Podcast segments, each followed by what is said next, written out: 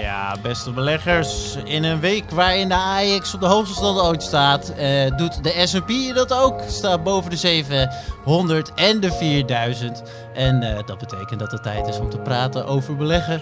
Goed dat je luistert. Dit is Voorkennis. Three ways to make a living in this business. Be first, be smarter, or cheat. No, I don't cheat. Beleggersbelangen presenteert voor kennis. Ja, beleggers. Leuk dat jullie weer luisteren naar een nieuwe aflevering van Voorkennis.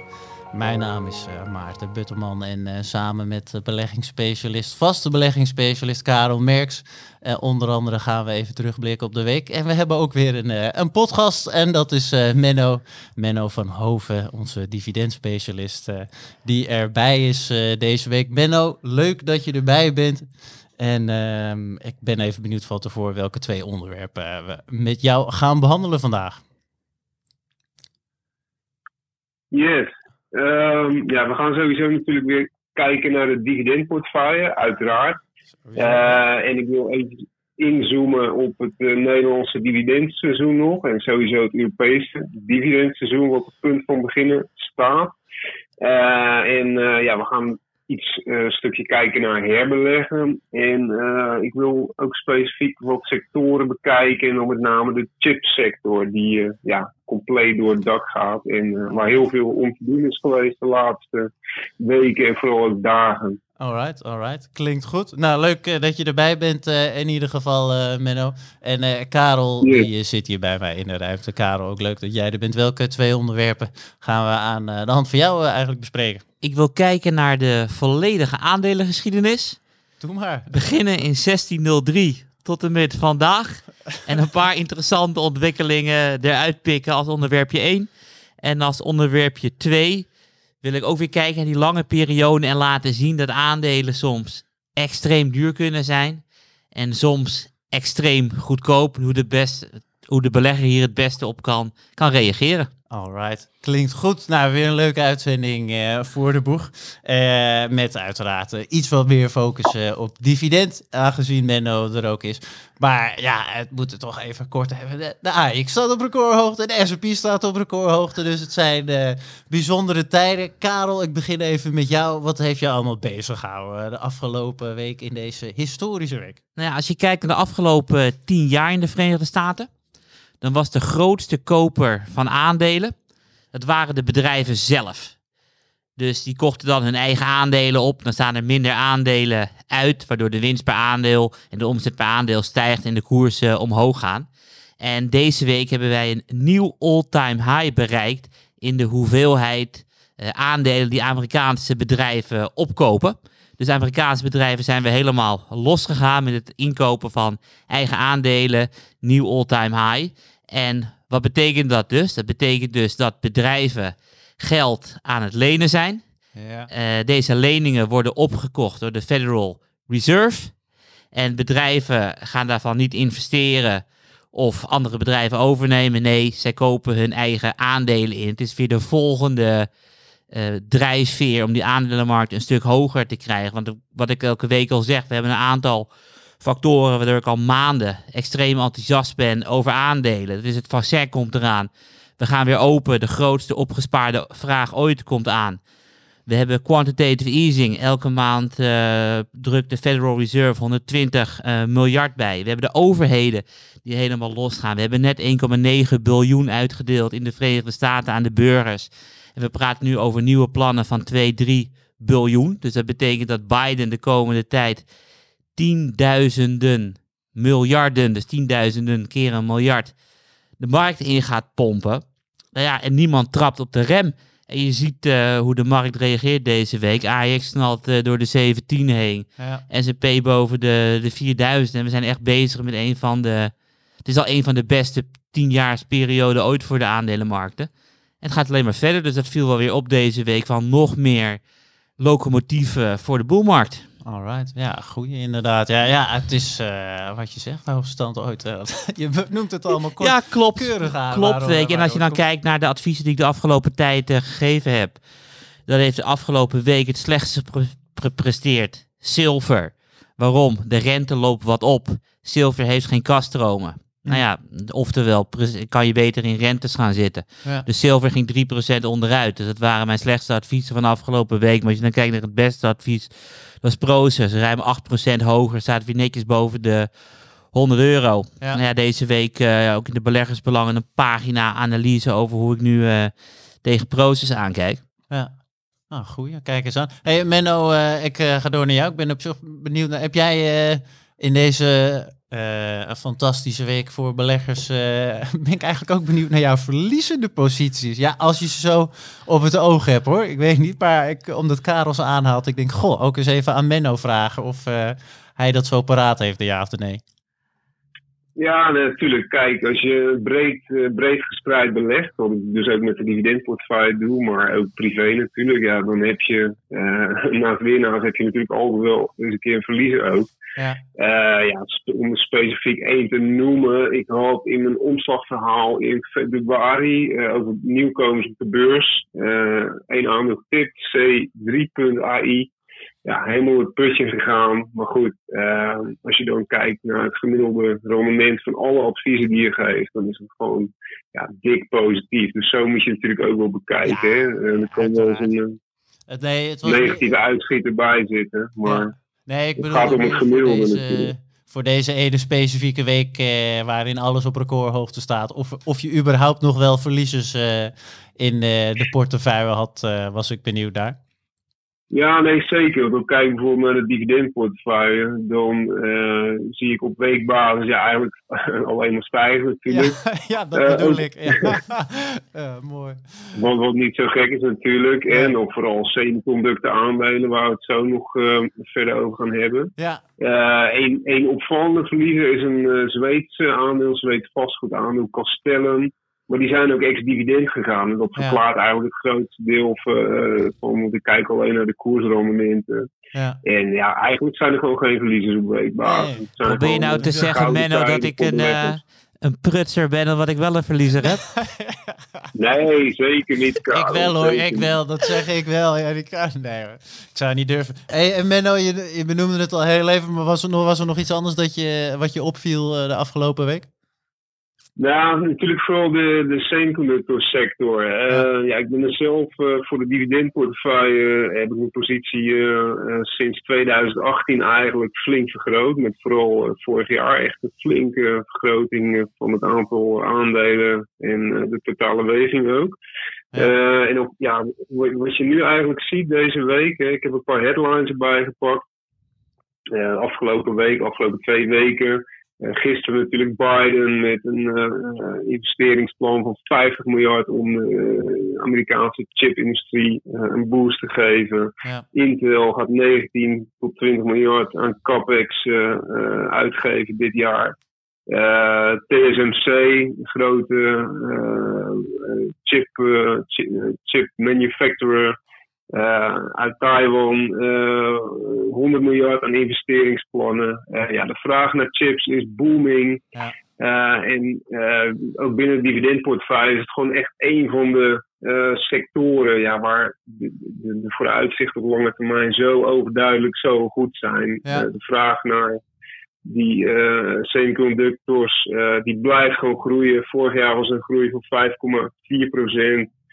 Eh, dit jaar zijn de verwachtingen dat de groei minimaal 8% is. En ja, ook de komende jaren ziet dat er gewoon heel goed uit. Simpelweg omdat steeds, steeds meer chips in steeds meer apparaten, auto's, eh, overal in gebruikt worden. En eh, ja, dat is wel gewoon een hele mooie sector om in te zitten. Aandelen zijn Ja, natuurlijk heel hard opgelopen. ook.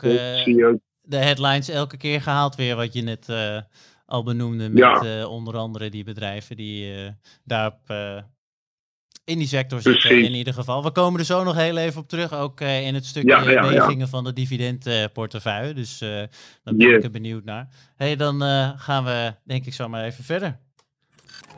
Voorkennis.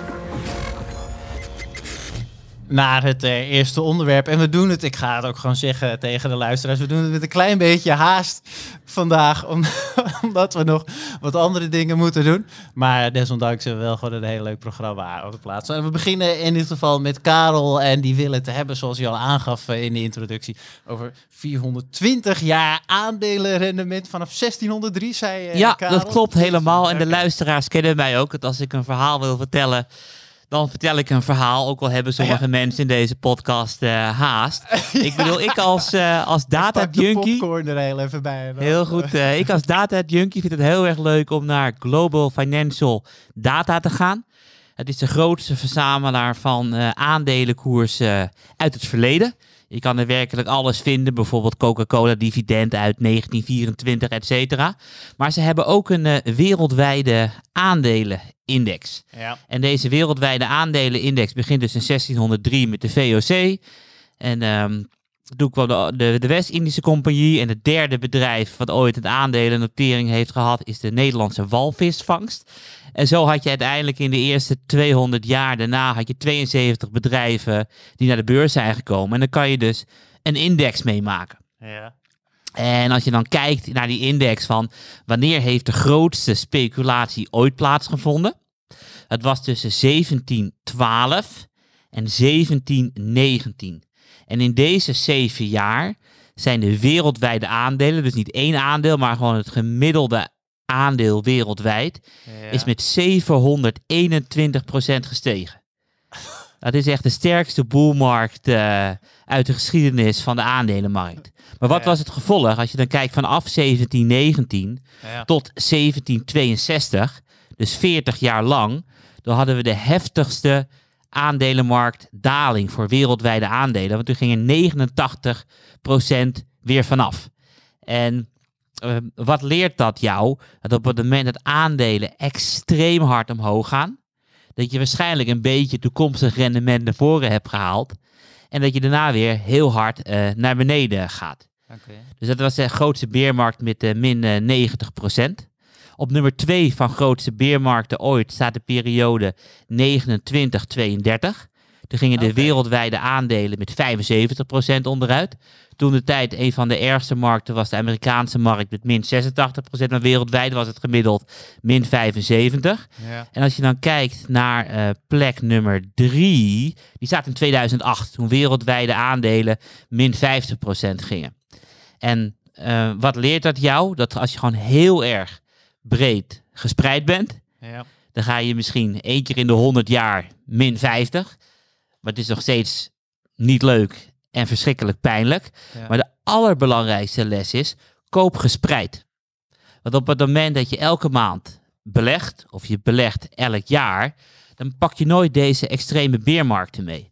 Want stel je begon eh, in 1715 te beleggen, of 1712, of wanneer je ook voor die extreme marketpiek van 1719, je legt er elke maand in, dan koop je nooit op die top. Dus je pakt wel die rit naar boven mee. En je bent veel sneller weer in de, in de winst. Dus mijn advies is van koop gespreid.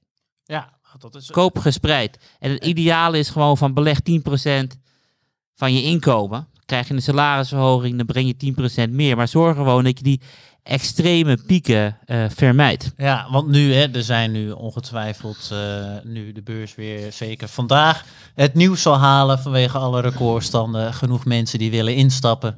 Eh, en dan denken, goh, ik heb een smak geld klaar liggen en ik koop Intel, want die heeft net gezegd eh 20 miljard ergens te investeren of een ander aandeel. Maar ja, dan is toch geduld de schone zaak. Is het gewoon een heel saai afwachten eigenlijk. Ja, een beetje klopt. klopt. Ik bedoel, Ja. beleggen is kijken hoe verf aan het drogen is. Of hoe gras aan het groeien is. Ja. En als je spanning wil, dan ga je maar naar het casino toe. eh. Het is gewoon belangrijk gewoon om structureel eh, te beleggen. Ja. Of zoals bijvoorbeeld Menno doet met de dividendportefeuille. Gewoon corrigeer me als ik ernaast zit door Menno. Maar volgens mij is Menno het grootste gedeelte van de tijd 100% belegd. En aandelen zijn ook op het grootste gedeelte van de tijd op een all-time high. En ehm, je moet niet de market timen. Want het gaat op lange termijn niet om het timen van de markt, maar om time in de market. Dus hoe langer je in de markt zit, hoe meer rendement je met beleggen zal behalen. Nou, die is inderdaad mooi. En ik was ook in benieuwd, ik wilde net naar Menno toe gaan, want eh, voor de dividendportefeuille dan hebben we niet er mooi bij eh, als eh, voorbeeld. Hoe doe jij daar met het instappen, Menno? Is het zodra de dividend komt, komt het erbij? Of heb je zo nu en dan een andere strategie? Nee, het is gewoon een eh, vaste strategie. We zijn natuurlijk begonnen in 2011, september 2011, met eh 100.000 euro eh, op papier. En eh, aan het einde van elk kwartaal wordt al het dividend wat in dat kwartaal ontvangen is, herbelegd in de aandelen die het ook uitgekeerd eh, hebben. En eh, ja, het idee is natuurlijk dat dat dividendinkomen jaarlijks groeit. Ja. Eh, nou, met uitzondering van vorig jaar is het ook elk jaar gelukt. Vorig jaar natuurlijk COVID. Eh, 19 veel dividendverlagingen, ook eh, ja, onnodige dividendverlagingen waar we het al veel over hebben gehad. Maar ja, als je dividendinkomen elk jaar groeit, ehm, eh, deels door dividendverhogingen en deels natuurlijk door herbeleggen, ja, dan kun je op lange termijn, wat Karel ook zegt, een eh, enorm kapitaal eh, vergaren. En dat sneeuwbaleffect, eh, dat wordt steeds eh, krachtiger met het verstrijken van de jaren. Ja. Ehm, ja, om gelijk maar te kijken naar de huidige situatie. Eh, beurzen staan natuurlijk op hoogtepunten. Gemiddelde dividendrendement is gewoon lager. Ja. Ook voor de dividendportefeuille. Nu eh, nou, krap eh, 1,75 procent. Dat is het laagste niveau ooit.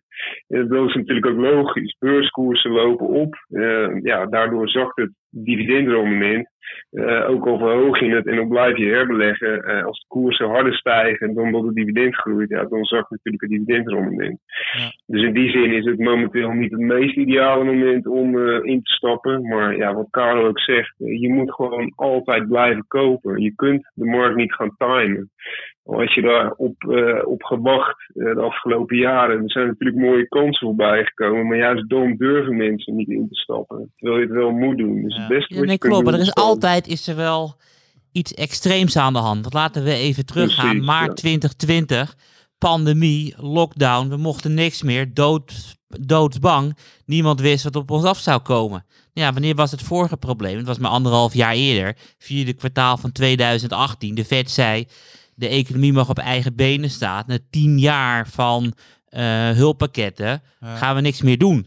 Markt stort in één keer 20% af. Ja. Weet je, daarvoor had je 2016. We gaan voor het eerst na zeven jaar eh, de rente verhogen. Deflatie in 2015. We hadden de ETF-crash in 2014. Daarvoor had je 2012 hadden we de eurocrisis. In 2011 werden de Verenigde Staten werden gedowngrade. In 2010 hadden we een beermarktrally naar de financiële crisis. Zo kan je de hele teruggaan naar 1603 en elk jaar is er een reden, of elke eh, één à twee jaar is er een reden om niet in de markt te gaan zitten. Maar ja, als je dan dat Ja. rendement ziet van 400 jaar met 7% gemiddeld per jaar, dan zijn er vermogens te verdienen. Dus het gaat er niet om of de wereld er veilig uitziet. De Engelsen zeggen climbing a wall of worry en de Amerikanen. Oftewel, je moet zorgen, moet je overwinnen. En als er geen zorgen meer zijn, zullen koersen ook niet meer doorstijgen. Nee, alright, ja. Goeie. Nee, en als ik er even nog, als ik nog iets over mag zeggen. eh, al kijk je naar de dividendportefeuille, nou ja, die gaat gewoon elk jaar omhoog. Wat ik ook op Twitter gooide van de week. en dat is ook gewoon zo.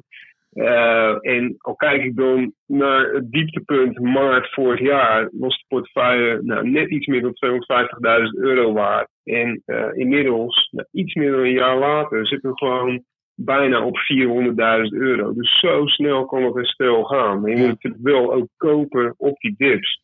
En als je dat doet, als je dan extra gas geeft, ja, dan doe je het helemaal fantastisch eh, op lange termijn. Want die dips die komen altijd wel. Ook de komende jaren gaan er nog genoeg komen. En dan moet je wel klaarstaan eh, om te investeren. Weet je, wat ook heel veel mensen missen, die beginnen dan met 100.000 euro, zoals jij, Menno. Weet je, en als je vanaf 100.000 euro 10% maakt, heb je 10.000 euro. Ik bedoel, je staat nu op 400.000. Als je dan 10% maakt, maak je 40.000 euro, wat gewoon vier keer zoveel is. Ja. Dus oftewel, als Ja. je dan gewoon eh, rekent met waarmee je begonnen bent, dan zie je het op lange termijn dat vliegwiel echt in gang bent. Waar 10% eerst 10.000 is, is 10% nu 40.000. Oftewel, die 7 à 10% per jaar worden elk jaar veel en veel meer. En dat vergeten beleggers nog wel. Ik zelf met Menno is nu 10 jaar bezig. Hoe snel dat vliegwiel in werking wordt gezet, Maarten. Ja, nou, dat is inderdaad een uh, schitterende aanvulling nog. Ja, het is inderdaad een groot verschil. Joh. Alright. Hey, uh, goeie, leuke Karel. De lessen van het uh, verleden kunnen we uiteraard maar beter meenemen. Tijd voor het volgende onderwerp. Voorkennis. En uh, aangezien we het net al heel even over dividend hadden, denk ik toch, doe ik eerst even een hele switch uh, naar Menno uh, in dit geval. En dat ja, betreft natuurlijk even het, het komende dividendseizoen, wat we willen doornemen. Want Menno, ehm, dit is de tijdperk, tijd van het jaar voor jou om extra op te letten. Vertel. Ja, nee, absoluut. Uh, in de Verenigde Staten, om te beginnen, heb je natuurlijk het hele jaar door verspreid over het jaar uh, dividenduitkeringen. De meeste bedrijven daar keren per kwartaal uit. Dus dan heb je niet van die extreme, het inkomen gelijk verdeeld over het jaar. Maar in Europa en ook in Nederland is het nog altijd zo dat de meeste bedrijven in uh, vooral april, mei uh, ex-dividend noteren. En uh, ja, de echte piek van het dividendseizoen in Nederland en Europa, die, die, staat nu echt een beetje op het te beginnen. bijvoorbeeld volgende week uit mijn hoofd vrijdag 9 april is SBM Offshore het eerste Nederlandse aandeel naar de Randstad, wat al geweest is. En daarna komen er eigenlijk elke dag meerdere aandelen uh, die ex-dividend noteren. Uh, april, mei, en dan heb je het wel gehad. En dan heb je echt verreweg het grootste deel van het dividendinkomen als je belegt in Europese en Nederlandse aandelen. Uh, ja, moet je in deze twee maanden binnenharken. Ja. En ja, als je ervan wilt profiteren, dan moet je nu ongeveer wel die aandelen in bezit hebben of heel snel gaan kopen. Anders dan, uh, dan uh, loop je het dividend mis en dan moet je weer een jaar wachten op het volgende dividend. Dus dit is echt het moment om die dividenden in Europa te incasseren. Okay. De komende weken gaan er echt heel veel, heel veel ex-dividend. Een goeie, want je hebt zelf toevallig, ik kan nog even kort op maar je hebt uh, recent ook een paar aankopen gedaan voor de dividendportefeuille, ook Nederlandse. Waaronder Ahold en Wolters, zeg ik dat Even uit mijn hoofd. Klopt. Correct? Ja, klopt. Nee, klopt helemaal, uh, Maarten. De, uh, sowieso, ik moest wijzigingen doen binnen de portefeuille. Bayer had dividend verlaagd, Danone ook. Dus die moesten uit de portefeuille. Ja. Uh, en voor mij de twee meest logische vervangers in Europa waren Wolters Kluwer en Ahold. ja, qua dividendhistorie en qua dividend, dividendgroei echt standouts. Voor mij allebei bij de top 4, 5 mooiste uh, Nederlandse dividendaandelen. Die andere die zitten in de dividendportefeuille natuurlijk. Uh, Wolters Kluwer Ahold ontbraken nog. Allebei de koersen hadden een tikje gehad. Dus het was voor mij een uh, fantastisch moment om ze dan toch nog op te pakken. Ja, en dan heb je gewoon twee hele fraaie aandelen met een dubbelcijferige dividendgroei. Uh, dividend Ahold 13 jaar omhoog nu. Wolters Kluwer 15 jaar. En de vooruitzichten die zijn ook gewoon prima. Dus dat zijn twee aandelen die heel goed in de dividendportefeuille passen. En dan kijk je bijvoorbeeld naar Ahold. Die gaat, uh, als ik hem heel even snel erbij pak, het eerst Wolters Kluwer. Wolters Kluwer 26 april, ex-dividend. Ahold op uh, eh, 16 april. Dus ja, dan geef maar aan de komende weken. Ja. Dan moet je er gewoon in zitten. Uh, want dan gaan al die aandelen ex-dividend. Ja, goed. Ja, zo makkelijk overigens. Ja, het, voor de luisteraars, Menno die zit niet in de studio, maar uh, verder op thuis. Maar die zit gewoon lekker achter zijn computer met alle software die nodig is om even snel wat op te zoeken. Is toch wel makkelijk. Ik, uh, ik trek mijn uh, databases erbij. Ja, ja die zijn nu uh, ideaal. Ja. Hey, ik heb vier vragen, schermen voor me nu trouwens, voor de informatie. Kijk eens, vier schermen, lekker. Hey, kort vraag, want je noemde juist al even dat er twee uitgingen. En de Noden zijn volgens mij. dat betekent dat jij de, de jij hebt uiteraard regels voor jouw portefeuille. Uh, in dit geval is dat als het dividend verlaagd wordt of geschrapt wordt. Vermoed ik, heb je toevallig, zo uit je hoofd, heb je nog andere regels die je zo toepast voor de invulling van jouw portefeuille? Ja, sowieso gaat het natuurlijk vooral om van dividenden tenminste houdbaar zijn en vooruitzichten voor het desbetreffende aandeel of de sector op lange termijn moeten goed blijven.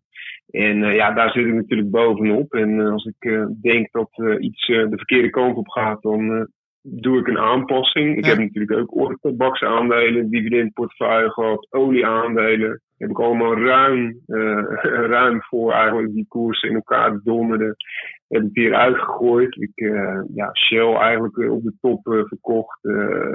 Altria was een heel mooi dividendaandeel, maar ja, het, hele, de bekende anti-rokerslobby eh, ja, Ja. sloopt gewoon dat soort bedrijven. En eh, ja, daar moet je natuurlijk wel op anticiperen. Als je dat niet doet, dan blijf je zitten met een verliesgevende Nee. positie. Dat, eh, Dus, dus eh, act- actief beheer is, eh, is, is heel belangrijk. En eh, Oké. ja, dat probeer ik natuurlijk zo goed mogelijk eh, te doen. Goeie. Ik ben, ik ben eh, benieuwd eh, of eh, Karel eigenlijk een favoriet dividend aandeel heeft.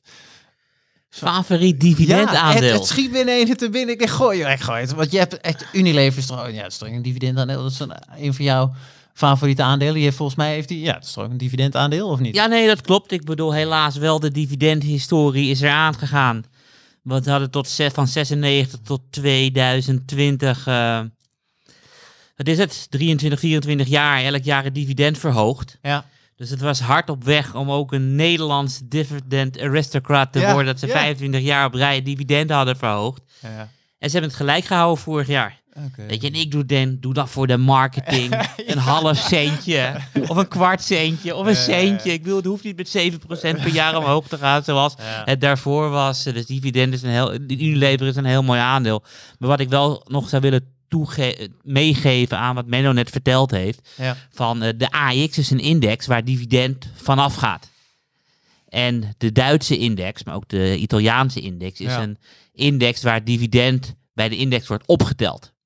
Eh, oftewel, als u ergens tegenkomt, de luisteraars of Maarten, van ja, het is toch wel weer opvallend hoor, dat de afgelopen maand de Duitse DAX veel beter gepresteerd heeft dan de Nederlandse AX midden in het dividendseizoen. Ontvolgt die man meteen, of dat, of dat bedrijf. Van, in, in AX wordt het er vanaf gehaald. En daarnaast weet ik dat onze luisteraars ook heel fanatiek handelen in turbo's. En een turbo stopt ermee op het moment dat de koers van, eh, de, van het aandeel naar het financieringsniveau Ja. is gegaan. Alleen op het moment dat het dividend van de koers afgaat, dan gaat ook het financieringsniveau omhoog. Dus dan word je automatisch uitgestopt. dus daar zou ik wel eh, mee oppassen in deze weken. Het is een beetje technisch, maar een, de... eh, nee, ja, het is zo goed als het stoploss op die manier bereikt wordt. Ja, dan is klopt. Dus ik bedoel, stel de stoploss is eerst 5 en die wordt nu verhoogd naar 5,40 en Ja. het aandeel daalt tot 5,35, dan word je uitgestopt. Dan stopt het product, terwijl de belegger misschien dacht, hé, hey, zou toch op 5 worden uitgestopt? Maar nee, het, Nee. het niveau stijgt eh, door de dividenduitkering. Oké, alright. Nou, goeie. Leuke toevoeging en eh, leuk onderwerp, eh, Menno. Dank eh, daarvoor. We gaan, eh, we gaan verder. Voorkennis. En eh, daarmee gaan we terug eh, naar Karel, want eh, die heeft ook weer een schitterende tweede onderwerp uit. Klopt, En dat gaat over het feit dat aandelen nooit op fair value noteren. klopt. En dat ga ik uitleggen aan de hand van een man die in het park aan het wandelen is met zijn hondje. Oké, ik ga de popcorn er weer even bij pakken. Heel erg goed. eh. ik bedoel, luister goed even mee. hè, Want Ja. ik bedoel, eh, eh, je hebt geen beeld, dus je moet even goed luisteren wat ik ga zeggen.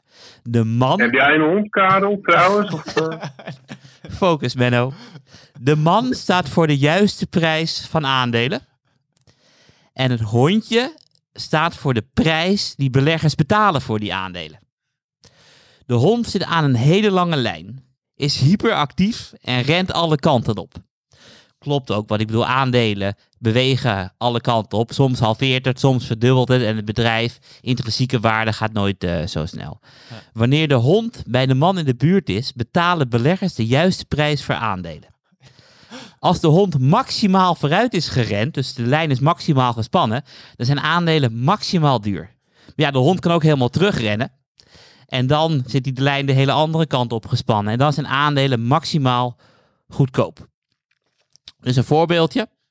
In de periode eh, 1929, toen waren aandelen echt belachelijk duur. En was het hondje, dus de aandelenkoersen, heel ver vooruit gerend. Ja. Toen daalden aandelen met 90%. En het duurde tot 1954 voordat de man weer was waar hij in 1929 was. Dus het hondje bedoel, moet ik dan zeggen. Ja. En het grote verschil is dat in 1929 de lijn strak gespannen was. En in 1954 ehm, liep de hond naast het mandje, naast de man. Dus Ja. konden aandelen duurder worden en goedkoper eh, worden. Dus het grappige is, op het moment dat je zo naar de aandelenmarkt kijkt, van ja, je koopt gewoon de man. En de man loopt met 7% per jaar vooruit Ja, ja, dan is dat de juiste waarde. En die hond kan soms veel te ver vooruit zijn gerend. Denk bijvoorbeeld aan 1712, 1719, wat ik een kwartiertje geleden zei. Toen de aandelen 700% stegen wereldwijd. Dus die hond helemaal naar voren gerend. Maar die man loopt nog steeds rustig met 7% per jaar vooruit. Dus op het moment dat een belegger geen risico wil, dan doet hij lekker mee met die man. En hoe langer eh, hij blijft zitten, hoe groter dat hondje, dus de prijs voor aandelen, 7% per jaar oploopt. Ja, ik, ik, vind dat Ik las dat een keer in een, Ja. in een analistenrapport 15 of 20 jaar geleden. en het is me altijd bijgebleven. Ja. Dat hey, van op het moment dat aandelen verschrikkelijk hard omhoog gaan, is het gewoon het hondje wat vooruit rent. Maar de intrinsieke waarde, die loopt gewoon met 7% per jaar door. Ja, ik vind, ik kan niet anders. zeggen. Een hartstikke mooie analogie eh, om naar de aandelenmarkt eh, te kijken op die manier. Ja, Grappig. En, we, en, en nu, eh, want ja, we moeten toch even naar het heden kijken. Als dat zo, het is pas achteraf kan je pas echt Ja. zeggen wanneer hè, het hondje bij man in de buurt van de man is. Maar ik, laat ik zeggen, wat ik voor gevoel heb is in ieder geval, is dat het hondje toch nou, flink van de man verwijderd is. En ook flink voor de man eh, staat. ja klopt. Ik bedoel, de Dus, hond is eh, heel ver eh, vooruit gerend. Ja. Het ligt natuurlijk ook aan welk hondje we kijken. Want ik bedoel, als je dan kijkt naar de S&P 500, wat zoveel stimulering heeft gehad en we hebben nog nooit op een verhouding genoteerd van drie keer de omzet. Dus je kijkt naar alle omzetten in de S&P 500. Ja. Die zijn, en, en de koers van de S&P 500. Dus de S&P 500 drie keer hoger. Terwijl normaal zit zo'n getal op één. Dus Amerikaanse aandelen als grote groep zijn verschrikkelijk duur. Ja. Maar opkomende markten zijn verschrikkelijk goedkoop. En Europa is eh, normaal gewaardeerd. Ja. En eh, bij wereldwijde aandelen heb je dus alles. Dus je hebt niet de extremiteit die in Amerika heerst. Maar je hebt ook niet de extreme goedkope aandelen in de opkomende markten. Dus als je kijkt naar wereldwijde aandelen, het hondje is wel wat naar voren gelopen. Maar de lijn is nog ruim genoeg dat hij nog veel verder kan naar voren kan lopen. Alleen hij kan ook even terugrennen. Ja. En dan moet je niet verkopen, dan moet je gewoon blijven zitten. Nou, ik wilde net, ik wilde, je pakt een schitterend bruggetje hiermee. Ik wilde net naar Menno gaan, want goed, die is eh, als een, een term bij Menno past, dan is het buy the dips. Eh, en Menno zit tevens met zijn dividendportefeuille eh, voor een groot deel in Amerika ook belegd. Eh, waar eh, het dus eh, op dit moment pittig duur is. Maar Menno, jij zal, ben ik dan benieuwd naar als jij eventueel nieuwe aankopen gaat doen voor de dividendportefeuille. Blijf je dan toch naar Amerika kijken? Wacht je dan eventueel af op een dip? Of zeg je nou Europa of iets anders? daar hou ik op dit moment ook mijn ogen op. Nou, ik, ik hou natuurlijk ook wel eh, met een eh, schuin oog de, de weging eh, per regio goed in de gaten. Ik zit nu iets van eh 62,2% in de Verenigde Staten. Dat is Ja. behoorlijk veel. Dat komt eh, ja, door eigenlijk twee factoren eh, de laatste tijd. Eh, Amerikaanse aandelen doen het gewoon beter. Ook dit jaar weer gemiddeld genomen. En de dollar die loopt dit jaar flink op, plus 4%. Eh mocht ook wel een keer naar de afgelopen jaren. En ja, het is wel iets wat ik in de gaten hou. Dus die 62%, dat is ja, behoorlijk veel. Dus als ik wat ga wijzigen, dan gaat er wel iets uit, komt daar weer wat voor terug. Of ik kijk dan eh, eh, naar Europa. Dus eh eerstvolgende wijzigingen, die, die zullen wel, of nieuwe aankopen zullen eerder in Europa zijn dan in de Verenigde Staten. Maar dan puur omdat ik al heel vol belegd ben in Amerikaanse aandelen. En Ja. ja, die weging die moet ook weer niet te ver doorschieten natuurlijk. Nee, nee, nee. nee oké. dus altijd al kijken wat er op dit moment in de portefeuille zit. Alright, goeie. Ik, eh, Karel, ik, ik, deze, deze vergeet ik gewoon niet, dit verhaal. Ik ga, Ja, ja, ik, vind, ik vind hem leuk. Ik, Oh, helemaal eh, een top. Erg mooie eh, uitleg. Alright. Hey, en eh, er was ook een bruggetje naar het volgende onderwerp eh, ondertussen gemaakt. Dus eh, we gaan verder. Voorkennis. Ja, want eh, Menno die noemde al heel even regionale wegingen eh, binnen de portefeuille. Eh, dat is natuurlijk één manier om te kijken naar hoe de portefeuille vorm moet krijgen. Maar je kan ook uiteraard kijken naar in welke sectoren je allemaal belegd zit. En dat kan natuurlijk heel interessant zijn. En dat is ook hetgeen waar we nog even kort met Menno over wilden hebben. We hadden het er al ook even over dat bijvoorbeeld de semiconductor sectoren en aandelen het al heel goed doen. En Menno, waar toch altijd benieuwd eh, hoe jij naar sectorenwegingen kijkt eh, wat betreft eh, de dividendportefeuille. Yes, nou ja, goed, sowieso. ik ben echt een stokpikker, dus ik kijk niet in eerste instantie specifiek naar, oh ik wil zoveel procent daar, zoveel procent daar. Ook niet met regio's. Ik wil gewoon de beste aandelen hebben. Dat is altijd de basis. waarbij je natuurlijk wel ja, qua maximum niet te ver moet doorschieten. Wat ik net ook vertelde over de Verenigde Staten. Geldt ook op sectorniveau. Je wilt eh, om risico's te beperken niet te ver eh, of niet te veel in één bepaalde sector zitten. Eh, maar ja, technologie is natuurlijk wel de groeisector bij uitstek. uitstek. En ja, daar, het probleem daarvan is voor mij dat er eigenlijk heel weinig, nog steeds altijd behoorlijk weinig eh, goede eh, dividendgroeiaandelen zijn binnen de techsector. Het wordt wel steeds meer natuurlijk. Maar veel grote techbedrijven betalen nog altijd nog steeds geen dividend. Dus die kan ik sowieso niet in portefeuille doen. Ja. Eh, en andere aandelen die hebben of een hele korte dividendhistorie, eh, of eh, ja, ze richten zich, zich hoofdzakelijk op aandelen inkopen. En er is eigenlijk één sector die er met kop en schouders bovenuit springt, en dat is de semiconductor-industrie. En ja, daar heb ik dan ook met name op gericht. Eh, vooral vorig jaar heb ik de positie in hoofdgeleiders eh, flink vergroot. Met onder meer de aankoop van Teradyne, eh, Monolithic Power en Broadcom. Ja. Twee jaar daarvoor al Texas Instruments en Intel zit eigenlijk vanaf dag één in de dividendportefeuille. Per saldo nu de sector weegt 10,4% Binnen de dividendportefeuille ben ik heel blij mee, want dat is echt een, eh, een uitblinken. En ook voor de komende jaren zijn die vooruitzichten gewoon eh, zeer goed. Ja. Het grappige is, al kijk ik vandaag eh, nu eh, real-time eigenlijk naar de grote uitblinkers. Dan zie ik weer bovenaan Teradyne plus 4,2, Monolithic Power plus 3,5, Microsoft plus 2,5. Is dan wel niet eh semiconductors. Maar het zijn gewoon tech-aandelen die elkaar, elkaar trekken. hè. Qua groei, eh, qua koerswinst de laatste jaren, maar zeker ook qua dividendgroei. En eh, ja, die gaan vaak eh, hand in hand. En ehm, ja, de keuze voor een Teradyne Monolithic Power Broadcom, ja, die is vooral gebaseerd natuurlijk op een combinatie van eh, jaarlijks dividend verhogen, maar vooral ook op een extreem grote eh, dividendgroei. Bijvoorbeeld een, Ja. een Teradyne altijd dubbelcijferig verhogen. Een enorme buybacks daarnaast. Monolithic Power. Voor, eh, dit jaar dividend weer met 20% verhoogd. Vierde jaar rij met minstens 20% verhoging. Broadcom gemiddeld maar liefst 52% per jaar de laatste vijf jaar. Ja, dat zijn geweldige eh, eh, statistieken die je in andere sectoren bij andere aandelen gewoon never niet kan en gaat vinden. Dus Alright. ja, ik, ik beleg graag in die aandelen, alleen je moet er niet te veel in zitten. En binnen de techsector is dit wel de beste hoek om in te zitten qua dividendgroeien. Dus vandaar deze naam en die weging van eh 10,4 in hoofdgeleiders en inmiddels 17,1 in de techsector in zijn Ja. in zijn geheel eh, voor de Dus dividendportefeuille. jij laat hem eh, wat dat betreft je, je niet leiden, maar alleen eh, begrenzen door sectoren, wegingen, als ik het Precies, zo ja. kan samenvatten. En Karel, ik ben eigenlijk benieuwd, heeft het voor jou, doe jij op een of andere manier, houd jij rekening met je beleggingen in sectoren of staan er ook, net als bij Menno, het wat op een lager pitje om er op die manier naar te kijken? Ik ben volgens sommigen onverantwoord bezig. omdat ik heilig geloof in hele grote eh, posities. Dus ik bedoel, ik ben er zo van overtuigd dat de komende tien jaar eh, grondstoffen echt fantastisch zullen gaan presteren.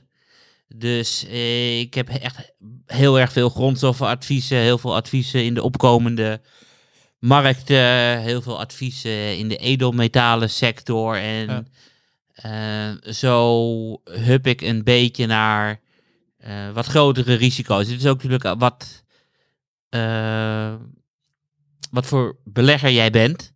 En ehm, ook voor wie je de, de portefeuille bijhoudt. Want Dat doen we natuurlijk voor onszelf. Maar wij bij beleggersbelangen eh, geven ook advies. Ja. Ik bedoel, en de dividendportefeuille is gewoon echt een fantastische portefeuille. Wanneer je kijkt naar de verhouding tussen eh, risico en rendement.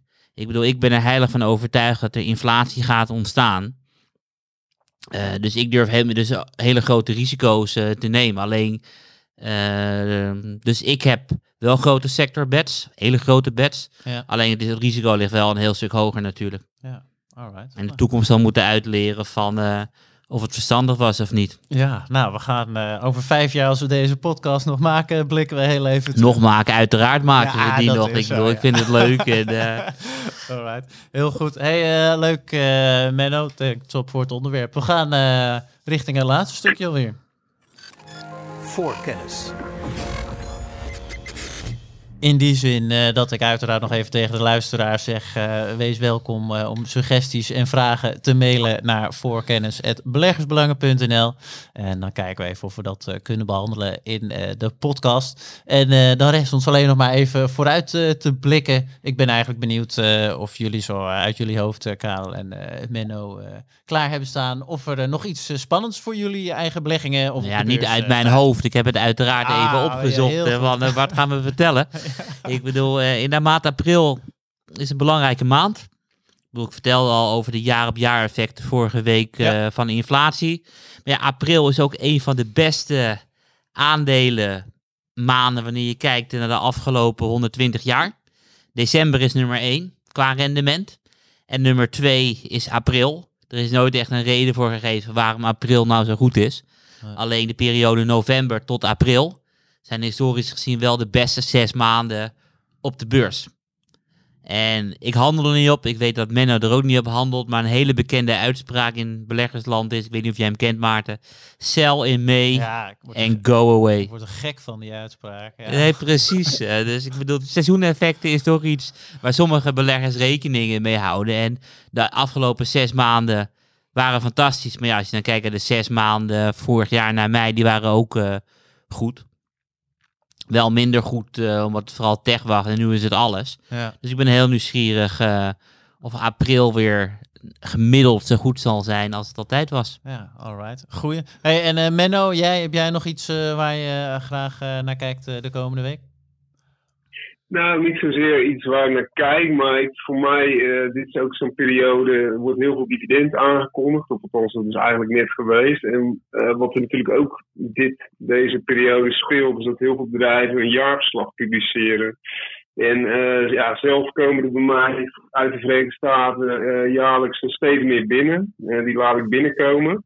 Gewoon in de brievenbus vind ik het fijnst. En eh, ik, heb er zelfs, ik, heb, ik heb er zelfs een postbus voor genomen. De postbode werd helemaal gek voor mij. Zijn fietsje zat elke keer vol met uh, tientallen jaarverslagen.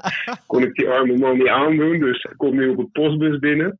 Maar eh, één eh, aandeelhouders of één jaarverslag in het bijzonder wil ik uitlichten. En die heb ik net binnen.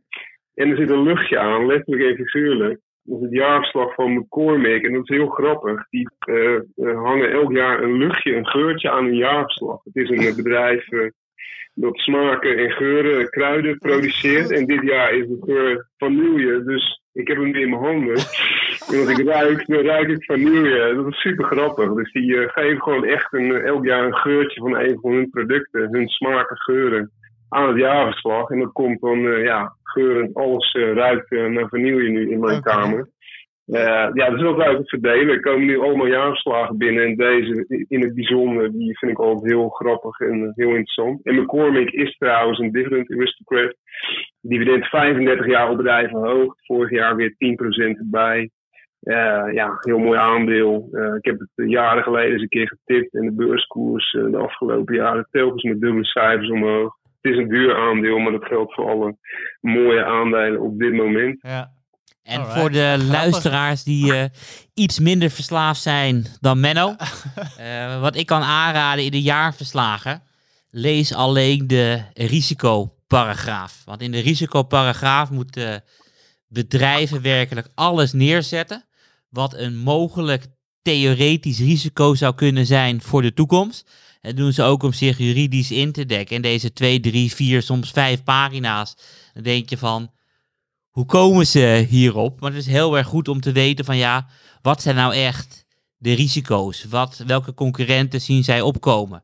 Wat voor problemen zien zij ontstaan, weet je? En Coca-Cola schrijft er bijvoorbeeld in van dat het voor hun echt essentieel is dat er voldoende drinkwater op de wereld zal zijn om Coca-Cola te maken over 50 jaar. En allemaal van dat soort risico's worden daarin beschreven. Dus op het moment dat beleggers beleggen in individuele aandelen, ga naar het jaarverslag, lees even die drie, vier pagina's risicoparagraaf en denk van, klopt dit wel? klopt dit niet.